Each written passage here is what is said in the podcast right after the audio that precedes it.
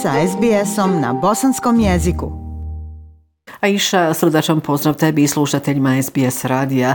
E, svakako vijest ove sedmice je odluka visokog predstavnika u Bosni i Hercegovini.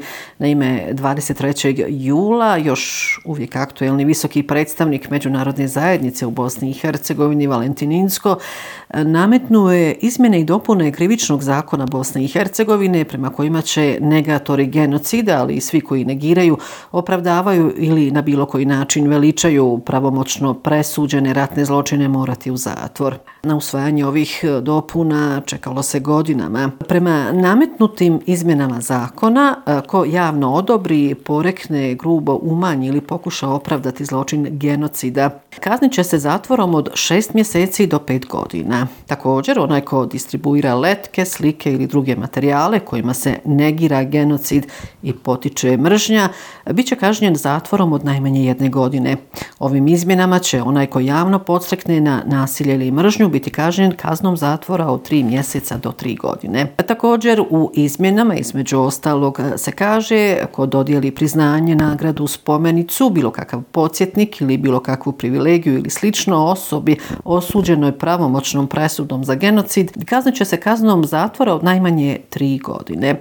Dakle, to su sve odluke koje je nametnuo Valentin Insko izmjenama i dopunama krivičnog zakona Bosne i Hercegovine. Nakon što je visoki predstavnik eh, Valentin Insko upravo donio ove dopune eh, krivičnog zakona Bosne i Hercegovine u tužiteljstvu Bosne i Hercegovine bit će formiran predmet u kojim će se pratiti i evidentirati sve objave pojedinaca pojedinaca, grupa ili udruženja u kojima se iznose stavovi o negiranju genocida, zločina protiv čovječnosti i ratnih zločina nakon stupanja na snagu ovih dopuna krivičnog zakona, to je saopćeno iz tužiteljstva Bosne i Hercegovine. Odmah nakon objave odluke visokog predstavnika Međunarodne zajednice u Bosni i Hercegovini istoga dana, dakle 23. jula, uslijedile su brojne domaće reakcije i pretpostavljate u Federaciji Bosne i Hercegovine pozdravljaju potez visokog predstavnika, smatraju da je e, ova odluka trebala da bude donesena mnogo ranije, još prije par godina, ali da nikada nije kasno. S druge strane, u Republice Srpskoj smatraju da je je ovakva odluka visokog predstavnika u najmanju ruku skandalozna. Izdvojit ću neke od reakcija. Predsjednik Skupštine općine Srebrenica, Čamil Duraković, kazao je da je ovo rezultat dugogodišnje borbe. Poslušajte izjavu Čamila Durakovića. Žalosno je da je moralo da se dođe do nametanja ovog zakona, da nije prevladala civilizacijska svijest unutar političkih struktura u Bosni i Hercegovini da usvoje takav zakon, ali evo on je to učinio i to je sigurno preokret koji će, ako ništa, bar nama dati priliku da podnosimo krivične prijave protiv onih koji to negira. Evo prva može komodno biti ova komisija koju je imenovala vlada Republike Srpske koja ovih dana izlazi sa nekim kvazi izvještajima u smislu da se genocid nije desio poslanik u predstavničkom domu državnog parlamenta e, Dženano Džonlagić. Dugo se u Bosni i Hercegovini tolerisalo negiranje zločina genocida. To praktično znači da imamo na snazi zakon o zabrani negiranja genocida, odnosno da se negiranje zločina genocida kriminalizira. Evo i još jednog stava, također poslanika u predstavničkom domu državnog parlamenta Saše Magazinovića. To je jedna civilizacijska tekovina i poštovanje prema žrtvama u Bosni i Hercegovini i njihovim porodicama. U međuvremenu oglasile su se i ambasade Sjedinjenih američkih država, Njemačke i Velike Britanije u Bosni i Hercegovini i ove ambasade su dale punu podrušku Valentinu Insku. Genocid u Srebrenici nije tema za raspravu, nego historijska činjenica. To je na neki način poruka koja je uslijedila iz e, ovih ambasada, e, dakle ambasade Sjedinjenih američkih država, Njemačke i Velike Britanije. Kada je riječ o reakcijama u Republici Srpskoj, a iša rekla sam malo prije e, da su svi političari, razna udruženja e, i grupe e, na stanovištu da, kako oni kažu, nije bilo genocida u Srebrenici i da jednostavno ne priznaju odluku Valentina Inska. Član predsjedništva Bosne i Hercegovine i lider SNSD-a Milorad Dodik održao je vanrednu konferenciju u Banjoj Luci.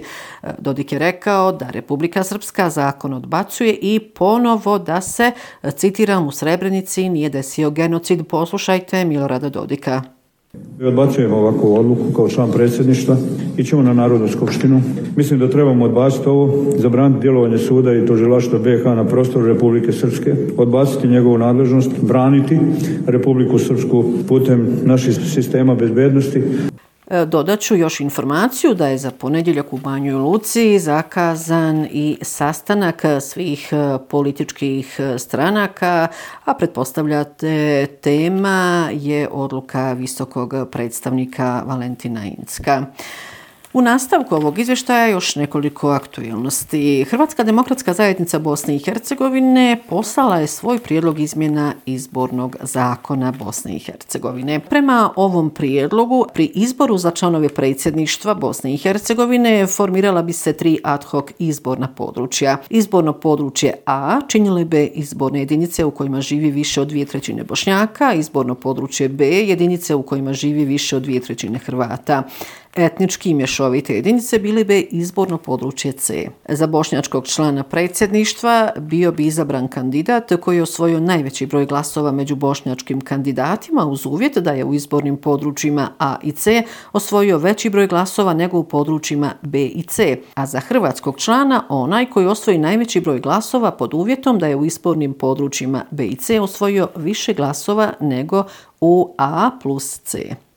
Kako ističu u Hrvatskoj demokratskoj zajednici Bosne i Hercegovine, ovaj prijedlog bi spriječio ponavljanje slučaja, kako oni kažu, Komšić, odnosno mogućnost da se hrvatski član bira glasovima iz većinskih bošnjačkih područja. Međutim, ovaj prijedlog ne rješava pitanje presude Sejdić-Finci s obzirom na to da i dalje insistira na etničkoj pripadnosti članova predsjedništva. E, uslijedile su i reakcije, evo izdvojit ću e, dvije. Član predsjedništva Bosne i Hercegovine Željko Komšić ovaj prijedlog je nazvao snovima HDZ-a. Predsjednik SDP-a Bosne i Hercegovine Nermin Nikšić tvrdi da se ovim prijedlogom uvodi ad hoc treći entitet. Zanimljivo je da na identičnom prijedlogu izbornog zakona HDZ insistira još 2015. godine, no bez veće podrške probosanskih stranaka, što će, čini se, i sada ostati slučaj. Dok Federacija Bosne i Hercegovine zbog problema sa izbornim zakonom već više od dvije godine nema novu vlast, čini se da ni posljednjim prijedlogom HDZ-a nismo odmakli dalje od 2009. kada je donesena presuda Sejdić-Finci. Nema zvaničnih podataka koliko je ukupno stanovnika u Bosni i Hercegovini vakcinisano. Prema nekim podacima E, ukupno je 10% stanovnika Bosne i Hercegovine vakcinisano prije neki dan. E, na sjednici vlade Federacije Bosne i Hercegovine je e, saopćen podatak da su u Federaciji Bosne i Hercegovine prvu dozu vakcine protiv koronavirusa primila 178.494 građana, a obje doze vakcine 118.570 građana. 20. jula muslimani širom svijeta obilježili su Kurban Bajram. Centralna bajramska svečanost u Bosni i Hercegovini održana je u Gazi Husrev Begovoj džami u Sarajevu, gdje je bajramsku hudbu održao Reisul Ulema Husein Efendija Kavazović. Ipak, zbog epidemiološke situacije nisu upriličeni tradicionalno bajramsko čestitanje kod Reisul Uleme kao ni svečani bajramski prijem za zvanice. U svojoj bajramskoj hudbi Reis Kavazović je pozvao sve vjernike da se okupe oko Božje riječi. Poslušajte dio iz Bajramske hudbe Huseina Efendije Kavazovića. Čuvajmo se da ne povrijedimo tuđe pravo, čast i dostojanstvo. Radimo vrijedno, predano i pošteno. Svakom od nas Bog je propisao na faku. Ustanimo za njom. Ona čeka na nas da bude ubrana. Na faka je bolja od sadake kako je govorio Alehi Selam. Svima vama želim sretne i beričetne bajramske dane. Molim uzvišenog da vam ih učini radostnim i blagim. Neka nas naš nijet i naš kurban približe uzvišenom Allahu Đelešanu. Podijelite radost Bajrama sa svojim rodbinom, prijateljima i komšijama, kršćanima i jevrejima. Obradujte siromaha i obiđite bolesnog i utješite ih. Sretne i beričetne bajramske dane želim svim muslimanima u Bosni i Hercegovini, Hrvatskoj, Sloveniji, Srbiji, na Kosovu, Crnoj Gori, Sjevernoj Makedoniji, te našim muslimanima u dijaspori. Neka milostivi usliša naše dove i primi naše kurbane koje ćemo žrtvovati u njegovo ime. Braćo i sestre, Bajram Šerif, Mubarek Ulsun. Eto, ovom porukom eh, završavam ovo sedmično javljanje iz glavnog grada Bosne i Hercegovine. Još jednom pozdrav eh, svim slušateljima SBS radija od Semre Duranović-Koso. Like, share, comment. Pratite SBS Bosnian na Facebooku.